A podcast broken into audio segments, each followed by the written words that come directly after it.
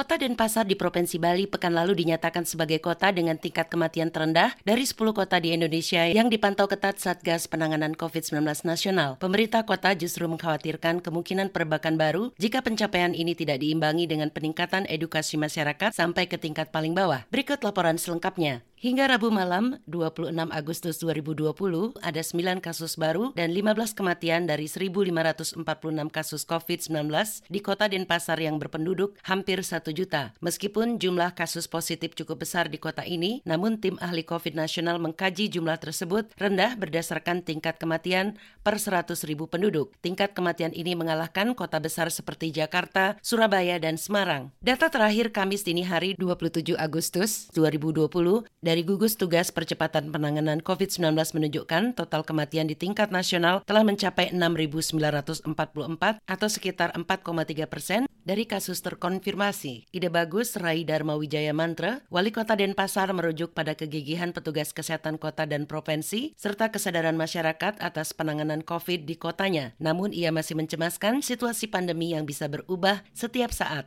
istilahnya second wave apa third wave atau keempat atau kelima ini kita takutkan seperti itu sekarang. Maka ini fluktuatif banget. Nah sekarang kita membutuhkan tingkat sosialisasi dan edukasi yang tinggi. Pemerintah kota secara berhati-hati telah membuka kembali aktivitas publik seperti taman-taman kota di mana warga berolahraga. Warga kota Denpasar termasuk Nyoman Sabto mengatakan warga tetap menjaga protokol kesehatan. Setelah dibuka tuh di Renon, new normal ini udah lumayan banyak tuh di Renon yang olahraga. Karena dia kalau olahraga di rumahnya kan bosan. Memang sih banyak orang tapi mengerti dengan jaga jarak, pakai masker. Koordinator Analisis Pakar dan Data Balitbang Kota Denpasar, Putu Naning Jayaningsih mengatakan keberhasilan menekan tingkat kematian COVID di Denpasar tidak lepas dari komitmen seluruh lapisan masyarakat. Jadi PKK juga udah mulai turun. Kemudian uh, desa lurahnya itu udah sampai ke dusun lingkungan. Ada kesepakatan bersama itu di level yang paling kecil itu dengan satgas yang ada di desa. Minimal menerapkan protokol kesehatan. Karena kan itu kuncinya untuk mengatasi semua. Dari komitmen pimpinan juga tinggi gitu untuk selalu memonitor, menurunkan tim-timnya sesuai dengan kebutuhan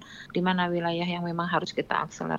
Sehingga lebih mudah kita koordinasinya gitu. Untuk mencegah perbakan baru, Ide Bagus Rai Dharma Wijaya Mantra mengatakan, pemerintah kota terus meningkatkan upaya edukasi sosialisasi dan edukasi terus di, tempat-tempat keramaian pun seperti itu. Kita sosialisasi terus. Jadi jargon kita itu jangan menularkan orang, jangan merugikan orang gitu istilahnya. Meskipun penanganan COVID-19 membaik, pemerintah Provinsi Bali sejalan dengan kebijakan pemerintah pusat masih menutup Bali dari wisatawan mancanegara hingga akhir tahun 2020.